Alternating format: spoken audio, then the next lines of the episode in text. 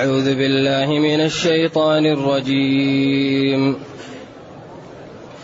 قل لا أجد فيما أوحي إلي محرما على طاعم يطعمه إلا قل لا أجد فيما أوحي إلي محرما على طاعم يطعمه إلا أن يكون ميتة إلا أن يكون ميتة أو دما مسفوحا أو لحم خنزير. إلا أن يكون ميتة أو دما مسفوحا أو لحم خنزير فإنه رجس أو فسقا. فإنه رجس أو فسقا أهل لغير الله به. فمن اضطر غير باغ ولا عاد فإن ربك غفور رحيم. وعلى الذين هادوا حرمنا كل ذي ظفر ومن البقر والغنم حرمنا عليهم شحومهما إلا ما حملت ظهورهما إلا ما حملت ظهورهما أو الحوايا أو ما اختلط بعظم. ذلك جزيناهم ببغيهم وإنا لصادقون. الحمد لله الذي أنزل إلينا أشمل الكتاب وأرسل إلينا أفضل الرسل وجعلنا خير أمة أخرجت للناس. فله الحمد وله الشكر على هذه النعم العظيمة والآلاء الجسيمة والصلاة والسلام على خير خلق الله وعلى آله وأصحابه ومن اهتدى بهداه.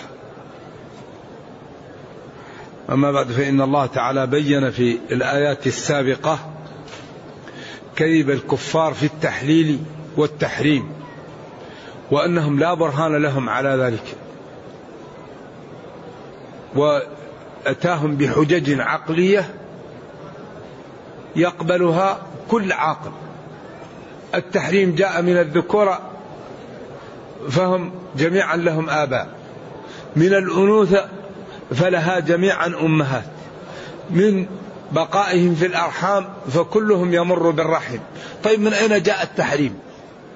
جاءهم نص من الله. ما في نص. لأن الحق لا بد له من العلم والصواب لا بد فيه من العلم. نبئوني بعلمي. لأن الحق يصاحب العلم يصاحبه الحق. كما أن الجهل يصاحبه الظلم والخطأ. فلما بين هذا ووضحه قال جل وعلا قل لا أجد. قل لهم يا نبيي لا نافية لا أجد. أجد أحصل. فيما أوحي إلي. من الوحي سواء كان في الكتاب أو السنة محرما.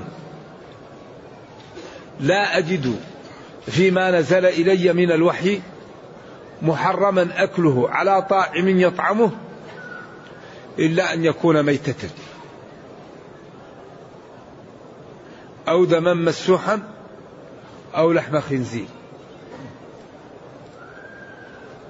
وهذه الآية للعلماء فيها أقوال ولهم فيها خلافات وهي أصول التحريم في المطعومات. حتى إن بعض السلف قال ما زاد على هذه الآية لا يقال حرام.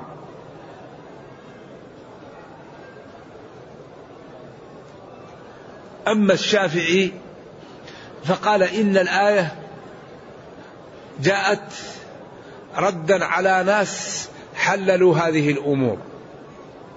فكأن الله قال لهم على سبيل الحصر الإضافي لا حرام إلا ما حللتموه. ولا يقصد التحريم في كل شيء وإنما يقصد التحريم في الأمور التي ذكرت. لا حلال لا حرام إلا ما حللتموه. وكأنه قال قل لا أجد فيما أوحي إلي محرما على طاعم يطعمه يطعمه إلا الأمور التي ذكرتم أنتم أنها حلال. ولم يقصد حصر المحرمات وإنما هذا قصر إضافي. إذا من العلماء من قال هذه الآية منسوخة. ومن من قال الآية ليست منسوخة لكن أضيف إليها بعض التحريم لأن الله ما قال قل لا أجد فيما سيوحى إلي فيما أوحي إلي. إذا ما أوحي إلي هذا بل إشارة إلى ما أوحي إلي أنه قد يوحى إليه أمر آخر شديد كما سيأتي. القول الثاني أن ما زاد على هذه الأشياء لا يقال إنه حرام وإنما يقال إنه مكروه. ولذلك آه، يعني آية إنما حرم هي التي جعلت آه، الإمام مالك يتوقف عن تحريم بعض المحرمات لأن هذه الآية فيها قل لا أجد فيما أوحي إلي محرما على طاعم يطعمه إلا أن يكون ميتة أو دما مسوحا أو لحم خنزير. فإنه رجس أو فسقا أهل لغير الله به مذبوح لغير الله. الآية الأخرى التي هي آية آية البقرة. وهي إنما حرم إنما حرم عليكم الميتة والدم ولحم الخنزير وما أهل به لغير الله أو لغير الله به في البقرة والأنعام. إنما حرم. فمالك حرم الحمر. لأن الحمر أشارت الآية التي جاءت للنعم على أنها لا تؤكل بضميمة حديث خيبر. قال والخيل والبغال والحمير لتركبوها وزينة ولم يذكر الأكل. وهذا في معرض الامتنان. وقال والأنعام خلقها لكم فيها دفء ومنافع ومنها تأكلون. بضميمة تحريم الحمر يوم خيبر وأمر بكسر القدور وكف الإناء فقالوا نغسلها قال اغسلوها.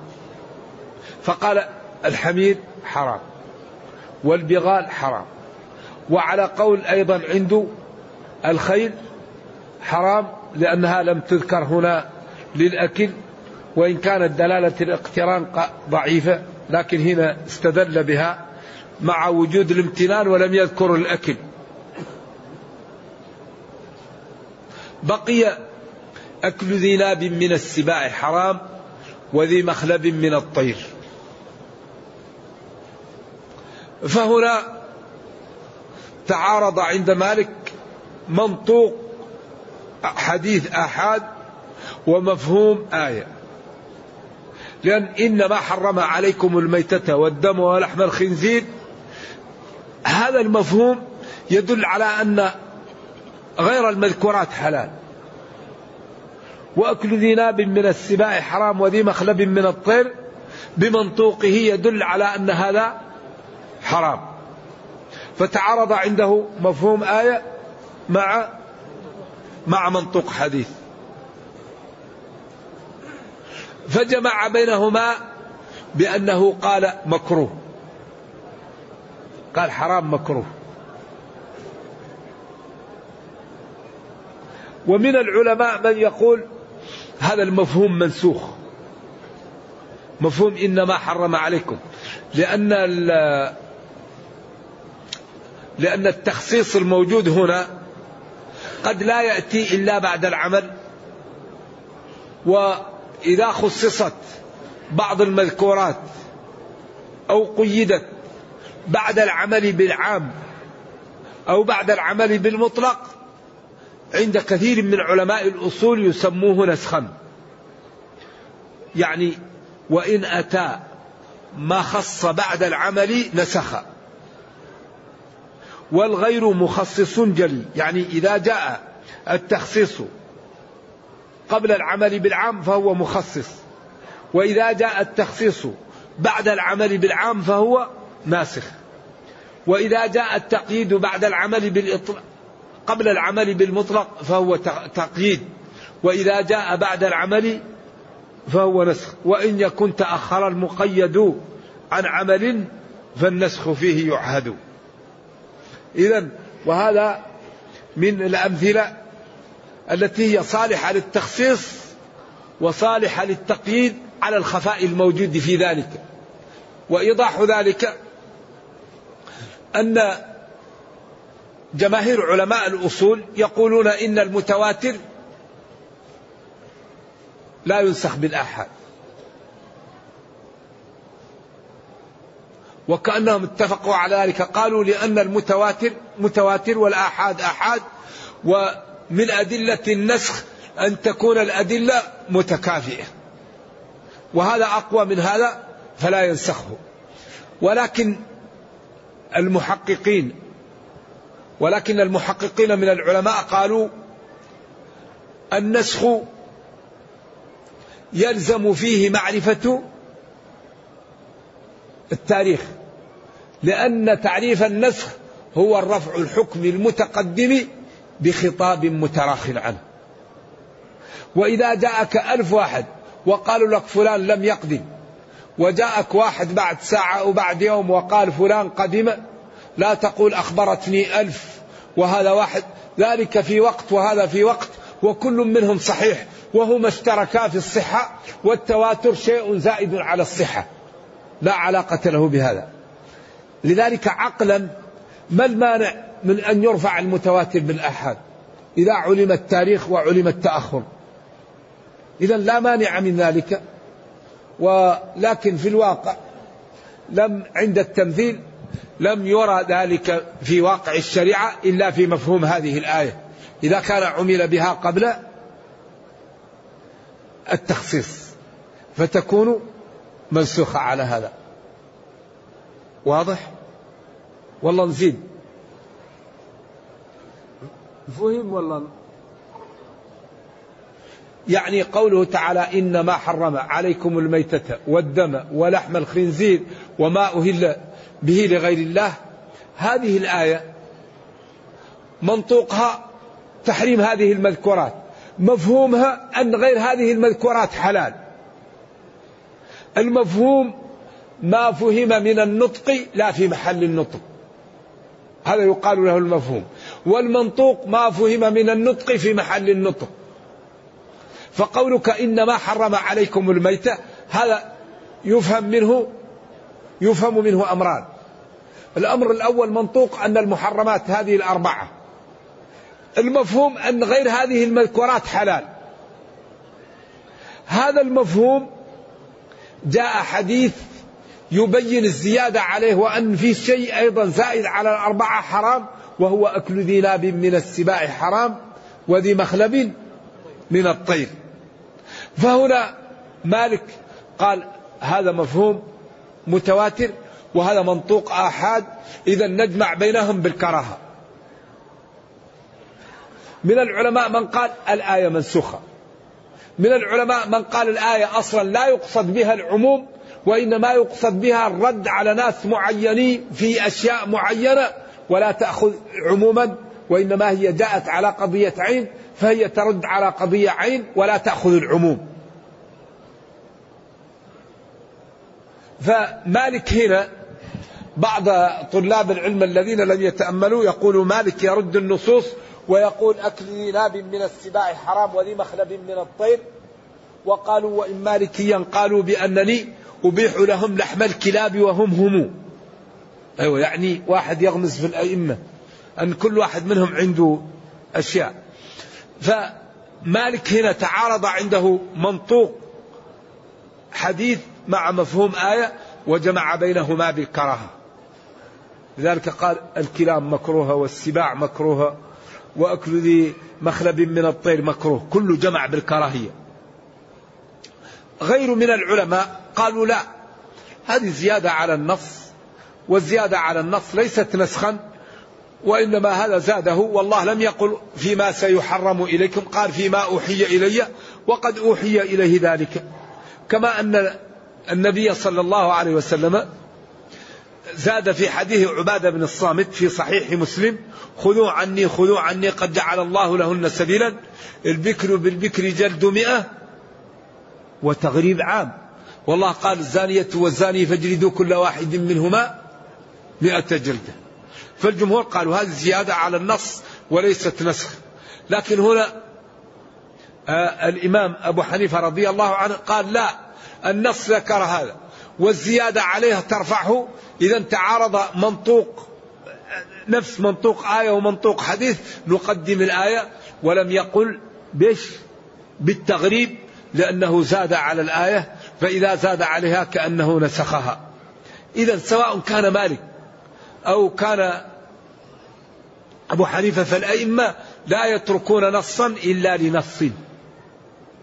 ما يترك الأئمة النصوص إلا للنصوص. لكن كون أن هذا النص يكون مرجوح عند الآخرين أو مرجوح عندك أنت هذا أمر لا يجعلهم هم تركوا النص وإنما يكون لهم استدلالهم ولهم الذي أخذوا به وهم مأجورون وإن شاء الله على على خير فيما قالوا. ولكن أنت لا تكلف إلا بما ترجح عندك ورأيت أنه أرجح بالنصوص. إذا لازم نفرق بين من يترك النصوص لغير النصوص ومن يترك نصوصا لنصوصه. كون أن هذا النص مرجوح هذا أمر آخر. لكن الأئمة لا يتركون نصا إلا لنص. فهذا الجانب يعلم. إذا قوله تعالى قل لا أجد فيما أوحي إلي محرما على طاعم يطعمه إلا أن يكون ميتة. الميتة هو الذي يموت من غير تذكية. قال لا أجد ما قال لا يوجد. فيما أوحي إلي ما قال فيما سيوحى إلي. محرما على طاعم على آكل يأكل أو شارب يشرب. إلا أن يكون ذلك المشروب والمطعوم ميتة. أو دما مسفوحا أو لحم خنزير. الميتة هو الذي يموت حتف أنفه من غير ذكاء. وهذا العموم مخصص بالسمك والجراد. عموم مخصص بقوله أحلت لنا ميتتان. والدم أيضا مخصص بالكبد والطحال وبغير المسفوح كما سيأتي. إذا هذان العامان مخصصان. إلا أن يكون ميتة أو دما مسوعا أو لحم خنزير. هنا ما قال خنزير لأنه تكلم على اللحم لأنه إذا ذكي أو لم يذكى لا ينفع في اللحم. قال لحم خنزير. ولذلك دقة التعابير الشرعية رائعة لحم خنزير. إذا أن يكون ميتة أو دما مسوحا أو لحم خنزير. جاء الدم مقيد في آية وثلاثة آيات آه، يعني عام غير مطلق. حرمت عليكم الميتة والدم في الأنعام وفي المائدة وفيش وفي البقرة. وجاء دما مسفوحا هنا في يعني في النحل والمائدة والبقرة. وجاء هنا في الأنعام أو دما مسفوحا. وقال أو لحم خنزير. ما قال الخ... ما قال خنزير. لذلك الخنزير أكل لحمه لا حرام. سواء ذكي أو لم يذك وشحمه حرام. وهنا وقفة طويلة مع الظاهرية. ومع بعض الذين يقرؤون قراءة قليلة ويتطاولون على الأئمة.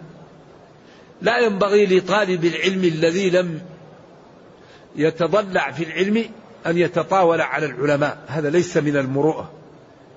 لكن ينبغي لطالب العلم أن يترحم على الأئمة وأن يدعو لهم وإذا رأى قولا راجحا يأخذ به. لكن التطاول على الأئمة وبالأخص ممن لم يعرف الأدلة ولم يقرأ وغابت عنه العلوم أكثر مما علم هذا ليس من الإنصاف.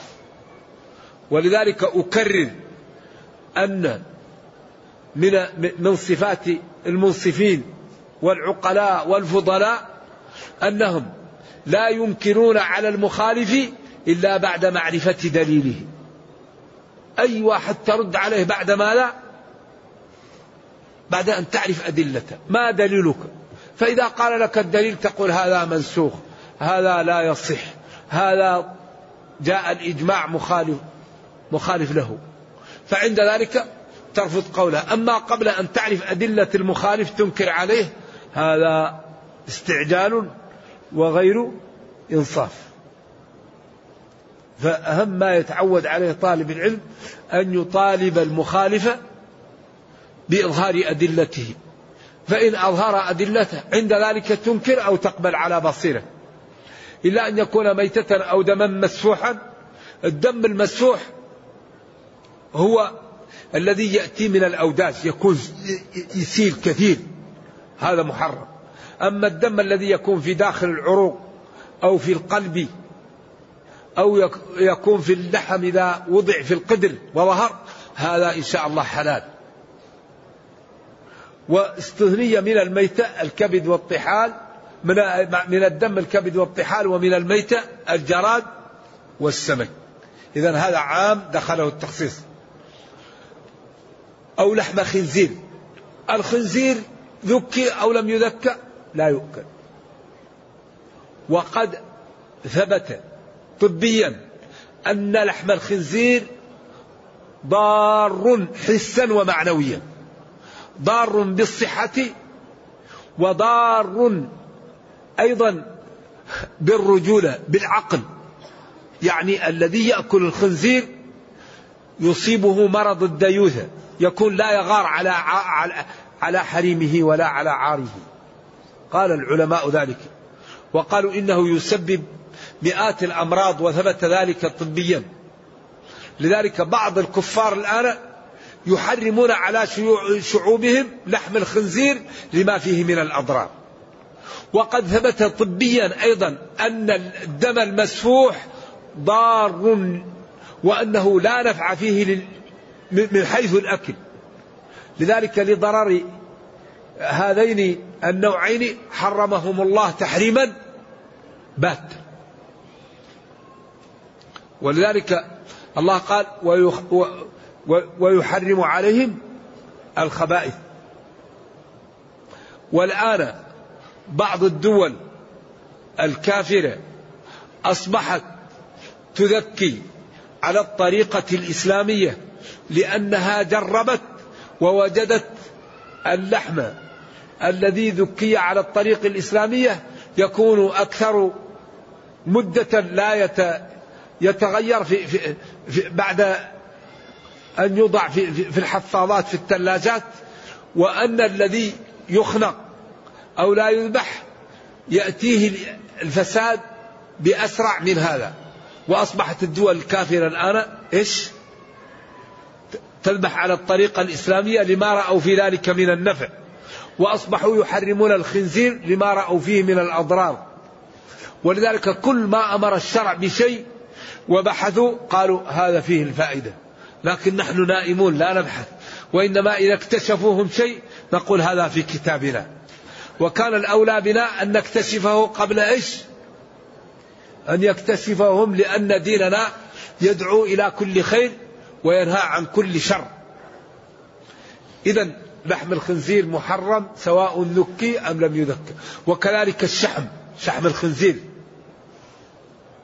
وجلد الخنزير وجلد الميتة إذا دبغ يستعمل. أي ماء إهاب دبغ فقد طهر. يطهره الماء والقرى. إذا أي جلد يدبغ يمكن استعماله. هل لا أخذتم إيهابها فانتفعتم به؟ قالوا إنها ميتة.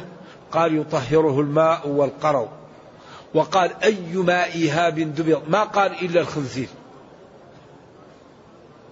لذلك إذا دبغت الجلود يمكن أن تستعمل على خلاف للعلماء في ذلك بين أن تستعمل في المائع أو في الناشف لكن لا هذا النص قوي. أي ماء إهاب دبغ فقد طهر. فإنه رجس أي المذكورات هذه أو لحم الخنزير.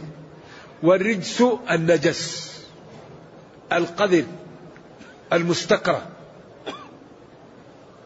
أو فسقا. أو يكون المذبوح فسقا وهو أهل ما أهل لغير الله به. أو ما ذبح لغير الله فإن ذلك محرم. ولذلك في الآيات السابقة ولا تأكلوا مما لم يذكر اسم الله عليه وإنه لفسق. أي أكله خروج عن طاعة الله وإن الشياطين ليوحون إلى أوليائهم بقولهم ما ذبحه الله تقولون حرام وما ذبحتموه تقولون حلال. أنتم أحسن من الله وإن أطعتموهم في ذلك إنكم لمشركون. إذا فمن اضطر الاضطرار معروف وقد اختلف العلماء فيه هو أن يخاف الإنسان الهلاك على نفسه. غير باغ للعلماء فيه قولان. قول الأول غير خارج على الأمة وكامن في طريقها ليقتلها ويخرج عليها و ويتلصص عليها. فإن الذي يفعل ذلك لا يحل له أكل الميت إلا أن يتوب مما هو فيه من المعصية والخروج على الأئمة وعلى المسلمين والوقوف في طريقهم ليتلصص عليهم. القول الثاني فمن اضطر غير باغ بأكله ما زاد على الحاجة الضرورية. واضح؟ وكون أنه يكون الخروج هذا أقوى لأن الكلام يكون فيه تأسيس لا تأكيد. لأنه إذا قلنا فمن اضطر أي للأكل غير باغ في زيادة على الأكل يكون تأكيد للسابق ولا ولا خارجي. أما إذا قلنا فمن اضطر لأكل الميتة في حال عدم اتصافه بالظلم في هذا السفر وبمصاحبته للمعصية فيه يكون هذا الكلام تأسيسا والتأسيس مقدم على الترجيح عند ترتيب الأدلة إذا تعارضت الأدلة يقدم إيش؟ التأسيس على التأكيد لأن هذا يأتي بحكم جديد أما ذلك يؤكد الحكم السابق فمن اضطر واحتيج إليه غير باغ خارج عن طاعة الله ولا عاد ولا متلصص يعدو على الناس فله ذلك. أو فمن اضطر آخذا قدر القوت حتى يصل إلى محل الحلال فذلك له ذلك. ومن العلماء من قال إذا احتاج يأكل ويشبع ويتزود حتى يحصل الحلال. وهل يقدم أخذ مال الناس أو الميتة؟ أقوال للعلماء. إذا احتاج واضطر إلى الميتة هل يأخذ أموال الناس أو يأخذ الميتة؟ قالوا إن خيف أن تقطع يده يأخذ الميتة وإن لم يخف يأخذ أموال الناس ويترك الميتة على الخلاف في ذلك بين العلماء. فمن اضطر غير باغ ولا عاد فإن ربك غفور رحيم. إن ربك كثير المغفرة رحيم بخلقه. ولذلك جعل أبواب الأمام مفتحة عند الاضطرار دين رائع الإسلام. الإسلام دين, دين, دين, دين الرفق دين السمو دين الحضارة دين العقل. كل ما تضطر أبواب الأمام مفتحة. لكن الله لا يخفى عليه المضطر من غير المضطر. لا تخفى عليه خافية. إذا قال أنا مضطر وهو ما هو مضطر تجعله مضطر. واحد عنده تجارة يشتغل في نصف مليار ويقول لك أنا مضطر للربا. طيب كيف مضطر للربا؟ وانت عندك نصف مليار. لو كل يوم تأكل مئة ألف ينتهي عمرك وما احتفل كيف تكون مضطر؟ لاضطرار الإنسان يخاف الهلاك. أما أنا مضطر عشان ننمي الأموال لازم نتعامل بالربا. لذلك ينبغي لنا أن نترك المعاصي. ينبغي لنا أن نفهم الدين. ينبغي لنا أن نعمله لأجل العزة والرفعة. هذا الدين رائع. ولذلك هنا أبواب الأمام مفتحة. يقول لك فمن اضطر غير باغ ولا عاد فإن ربك غفور رحيم. ربك غفور كثير المغفرة رحيم بخلقه. أي شيء تضطر له مفتوح الباب. هل في شيء أعظم من الكفر؟ إلا من أكره وقلبه مطمئن بالإيمان. ولكن من شرح بالكفر صدرا. وبعدين القلب لا يطلع عليه إلا الله. وما جعل عليكم في الدين من حرج. كل ما تضطر لشيء أبواب الأمام مفتحة. ذلك هذا الدين دين رائع الحقيقة. ينبغي لنا أن نأخذه بقوة وأن نبين للناس جماله في حياتنا. ينبغي لنا أن نلبس هذا الدين أن نعمل به أن نفهمه أن نعطيه الوقت. ثم يقول وعلى الذين هادوا حرمنا. لما بين المحرمات اليهود شددوا على أنفسهم فشدد الله عليهم. وعلى الذين هادوا يعني اليهود حرمنا كل ذي ظفر الإبل والأوز والنعام والبط على أصح الأقوال. هذه أصحاب الأظفار. وحرمنا عليهم من البقر والغنم شحومهما إلا ما حملت ظهورهما أو الحوايا. قيل هل هذا أيضا محرم أو محلل؟ الذي يظهر أن هذا محرم. إلا ما حملت ظهورهما أو الحوايا هذا مستثنى أو ما اختلط بعظم فإنه حلال لهم.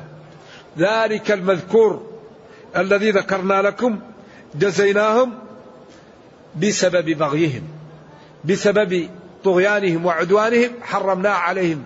ما, ما ذكر؟ لأنهم شددوا فشددنا عليهم. وإنا لصادقون فيما أمرنا به وحرمناه.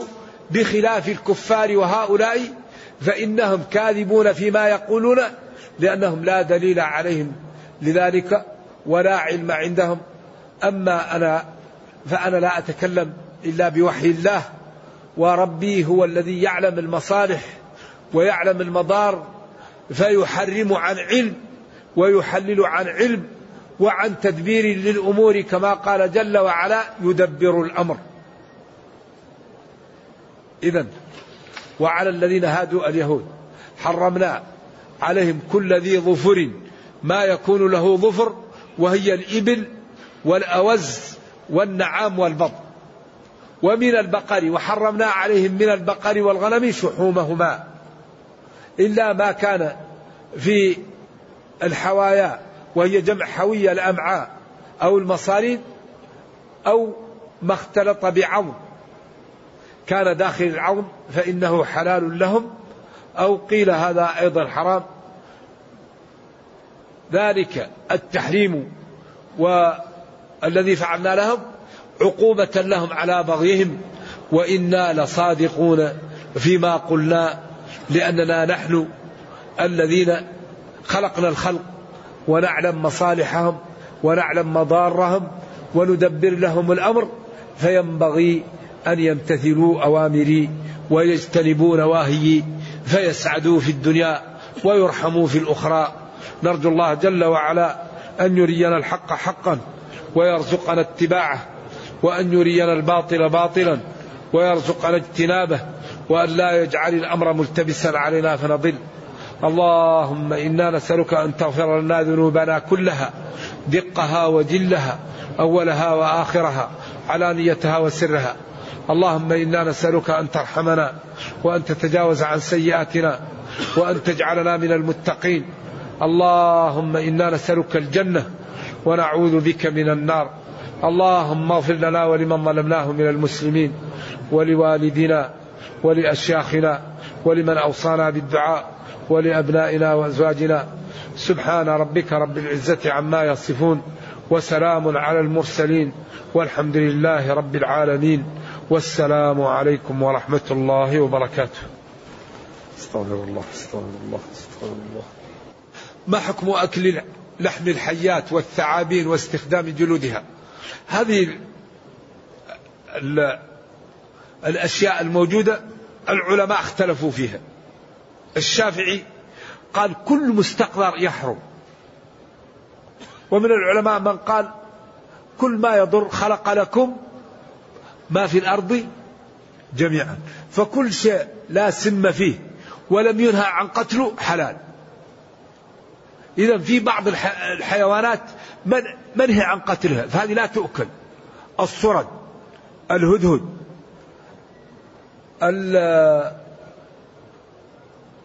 أنواع أنواع هذا الذي يكون في الماء بر ماء اسمه؟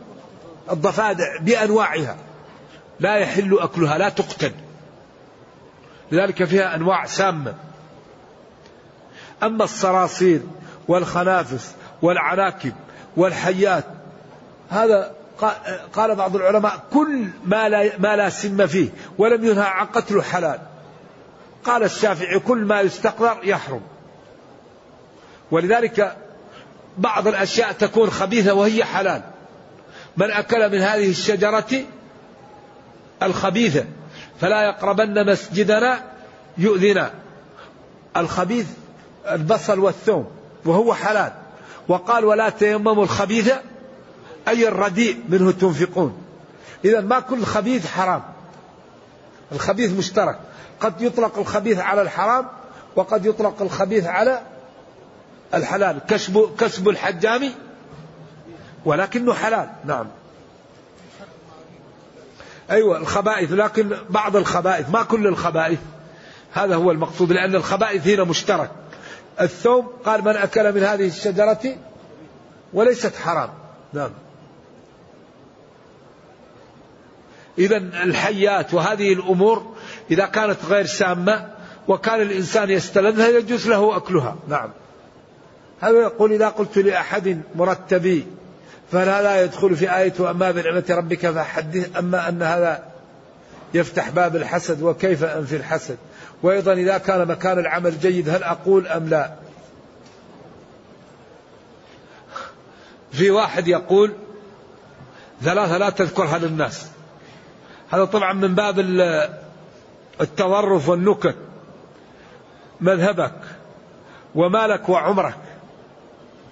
لأنك قال احفظ لسانك لا تبح بثلاثة سن ومال ما استطعت ومذهبي. فعلى الثلاثة تبتلى بثلاثة بمموه ومحرف ومكذب. ولكن لا الحق يقال إنسان يقول إذا أراد أن يقول يقول الحق يقول ماله وهذه نعمة. ويقول عمره وهذه نعمة. ويقول مذهبه أيضا.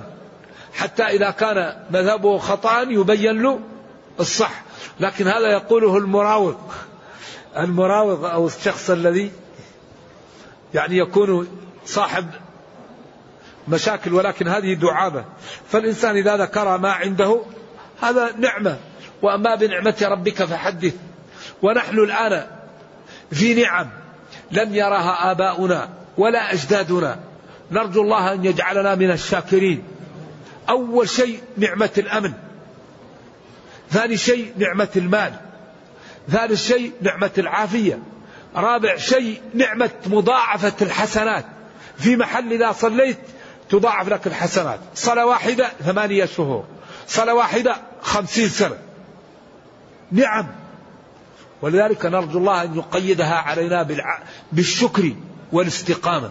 لئن شكرتم لأزيدنكم. ولا يوجد شيء أسرع زوال للنعم من المعاصي. ما في شيء يحرق النعم مثل المعاصي. المعاصي تحرق النعم ولا في شيء يثبت النعم مثل الشكر والاستقامة. الله يقول لئن شكرتم ولئن كفرتم نرجو الله أن يجعلنا من الشاكرين وأن يحفظ هذا البلد للإسلام والمسلمين لأن هذا البلد آخر بلد يعلن في المحافل أنه يطبق شرع الله. في الوقت الذي لا يجرؤ بلد أن يقول نحن على شرع الله نرجو الله أن يوفقهم وأن يرزقهم البطانة الطيبة. ما حكم الدجاج المستورد؟ مع أن البعض يقول إنها تخنق بالكر الدجاج المستورد إذا كان مذبوح ذبح شرعي حلال وإذا كان مخنوق حرام. إذا الدجاج كون أنه مستورد هذا وصف طردي. والله يقول ولا تأكلوا مما لم يذكر اسم الله عليه ويقول الزكاة قطع مميز مسلم أو كتابي يعني يقطع تمام الحلقوم والودجين. هذا هي الزكاة. فإذا كان الذي يؤتى من برا مذبوح على الطريق الإسلامي حلال وإذا كان مخنوق أو غير مذبوح حرام. ولكن المسلم إذا وجد لحما مذبوحا في بلد مسلم أحسن له. وإن اضطر يسمي الله ويأكل. لكن الأولى للمسلم أن يحافظ على أكله ويجعله حلالا حتى يستجاب دعاء. أطم مطعمك. تستجب دعوتك. والدين لا يمكن أن يقوى إلا بالمكابدة. نحن نريد أن يقوى إيماننا بدون مكابدة الطاعات هذا لا يكون. لا يمكن يقوى الإيمان إلا بالمكابدة. مكابدة الأكل الحلال مكابدة البصر لا تنظر إلى الحرام مكابدة اللسان لا تنطق بحرام مكابدة القلب لا تفكر بحرام مكابدة اليد لا تلمس حرام الرجل لا تمشي لحرام البطن لا تضع في حرام الفرج لا ترسله على حرام. فإذا كابدت الطاعات نما دلع الإيمان في قلبك حتى صار مثل هذا العمود. فعند ذلك كل ما أردت الله يعطيك. من عادى لي وليا والذين جاهدوا فينا لنهدينهم سبلا إذا من يريد قوة الإيمان يكابد الطاعات. لا يمكن يقوى الإيمان إلا بالمكابدة. مستحيل. كما أنه لا يمكن أن يكون عالم إلا بالاجتهاد. ولا يمكن أن يكون غنيا إلا بقوة البيع والشراء. كل شيء له ثمن. الدنيا يحكمها قانون إيش؟ معاوضة. أوفوا بعهدي أوفي بعهدكم. إن الله اشترى اشترى. فالذي يريد الثمن يدفع المهمون. أما واحد يريد ثمن بدون ما يدفع مهمون يروح للسوق ويقول له أديني السيارة. طيب يقول له أتي بالعوض. يقول لك ما في عوض. روح كيف تأخذ السلعة بدون ما تدفع ثمن؟ ولذلك الله قال اشترى وقال أوفوا بعهدي وقال اعملوا تعاونوا كونوا مع الصادقين اثبتوا ولا تنازعوا. أوامر ونواهي معطلة سببت للأمة تقويضا. ولن يزول عن الأمة ما فيها من الضعف. إلا إذا فعلت تلك الأوامر وعملت بها وكفت عن تلك النواهي. هذه حقائق حقائق لا بد أن تعلم. أيوة أوامر ونواهي. لا بد أن يعمل بتلك الأوامر وأن يكف عن تلك النواهي حتى الأمة تكون في المكان اللائق بها. إن الله لا يغير ما بقوم. والدنيا يحكمها قانون معاوضة. ما في. تشتغل. تربح تنام تخسر. حجبت الجنة بالمكاره وحجبت النار بالشهوات. فأما من طغى وآثر الحياة الدنيا فإن الجحيم هي المأوى. وأما من خاف مقام ربه ونهى النفس عن الهوى فإن الجنة هي المأوى. والله لا عذر لنا بعد هذا البيان. طيب. حتى ننهي هذا. ذكر سبحانه وتعالى في سورة القيامة وجوه يومئذ ناظرة إلى ربها وجوه يومئذ ناظرة إلى ربها ناظرة. في الأولى بالضاد وفي الثانية بالضاء فما الفرق؟ ناظرة من النظر. النظر هو حسن البهاء الماء الوجه يكون نظير. لما تنظره كأنك تنظر في مراء فيه ضوء. ضوء الإيمان وضوء الانشراح يتلألأ.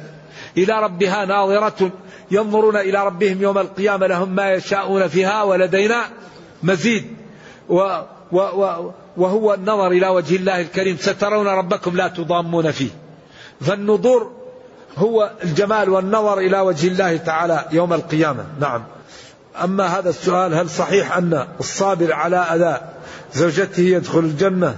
على ما كان عليه العمل بدون حساب. لا أعرف هذا لكن يصبر. عسى أن تكرهوا شيئا ويجعل الله فيه خيرا كثيرا. يقال أن أحد الفقهاء السبعة أبوه أراد أن يطلق زوجه فسمع قارئا يقرأ هذه الآية فمسكها وولد له هذا الولد فكان ينظر إليه ويقول صدق الله العظيم صدق الله العظيم. عسى أن تكرهوا شيئا ويجعل الله فيه خيرا كثيرا. إذ سؤالك هذا السؤال يا شيخ لا في ما في أصلا تعارض. لأن قال وطعام الذين أحل لكم الطيبات. من الطيبات المستلذات الحلال. ولا يدخل فيها المذكورات هذه. وطعام الذين أوتوا الكتاب حل لكم بالإجماع ذبائح أهل الكتاب. وطعام الذين ذبائح أهل الكتاب. وطعامكم حل لهم اي يجوز لكم أن تطعموهم من طعامكم. أي وطعامكم حل لهم. أي أبحت لكم أن تطعموا أهل الكتاب من طعامكم. لأن الكلام مصب إلى المسلمين إذا وطعام الذين أوتوا الكتاب حل لكم أي ذبائحهم. وقد اختلف السلف في ذلك. فقال بعض السلف والله لو رأيت الكتابية يسل عنق الدجاجة لأكلتها لأن الله يعلم خبثهم وقال وطعام الذين أوتوا الكتاب حل لكم. أما جمهور العلماء فقالوا وطعام الذين أوتوا الكتاب حل لكم مما هو محلال عليهم في كتبهم وفي دينهم. أما الذي ليس حلالا لهم ليس طعاما لهم أصلا حتى ينسب إليهم. أما السؤال فهذا يعني إذا كان الإنسان في بلد مسلم ورأى أكل يسمي الله ويأكل ولا يشدد على نفسه. لكن من أراد أن يحتاط لطعامه لأن الذي ينبت من الحرام هذا يسبب قسوة القلب وقسوة القلب تسبب الكسل عن العبادة والكسل عن العبادة يسبب للإنسان صدود عن الطاعة والصدود عن الطاعة يسبب للإنسان الشقاوة. إذا هي أمور تجر لبعض. فالإنسان إذا أراد أن يحتاط لنفسه ينبغي أن يبتعد عن الشبه. ولا شك أن بعض المسالخ وبعض الذبح يأتي من برا بعضهم يتساهل. فيه نوع من التساهل. وأنا وقفت على مسلخ كل ثلاثة دجاجات الرابعة ميتة. رأيت هذا بعيني في أمريكا الجنوبية لأن السير يسرع وله ذباحان. فكل ما ذبح أربع دجاجات تنفلت الخامسة أو يذبح ثلاثة تنفلت الرابعة. ويختلط المذبوح بيش بالذي يدخل ويختنق ويكون مع بعض. فلما كلمت قال هم لم يعطوني إلا ذباحين. طيب قلت تعطي ذباحين وتؤكل الناس الميتة؟ وبعضهم أيضا قد يغرى فيضع الختم على إيش؟ مذكى على الطريق الإسلامية لبعض اللحوم التي تكون غير منضبطة. أقول البعض فمن أراد أن يحتاط يأكل من السمك أو يأكل من من المذبوح في البلد. ولذلك حقيقة ينبغي لبعض التجار الطيبين أن يهتموا بهذا ولا يتركوا هذه الأمور. يعني يهتم التجار بهذه الأمور ويرسلوا ناس أمناء ويتابعوا هذه القضية وأي واحد يتساهل لا لا يسمح له بالاستيراد حتى يخاف الناس من هذا. فلو تبع قليل لكف الناس عن هذا الجانب. نعم. والدين لازم في وذو احتياط في أمور الدين من فر من شك إلى يقين. دع ما يريبك إلى ما لا يريبك. السلام عليكم ورحمة الله.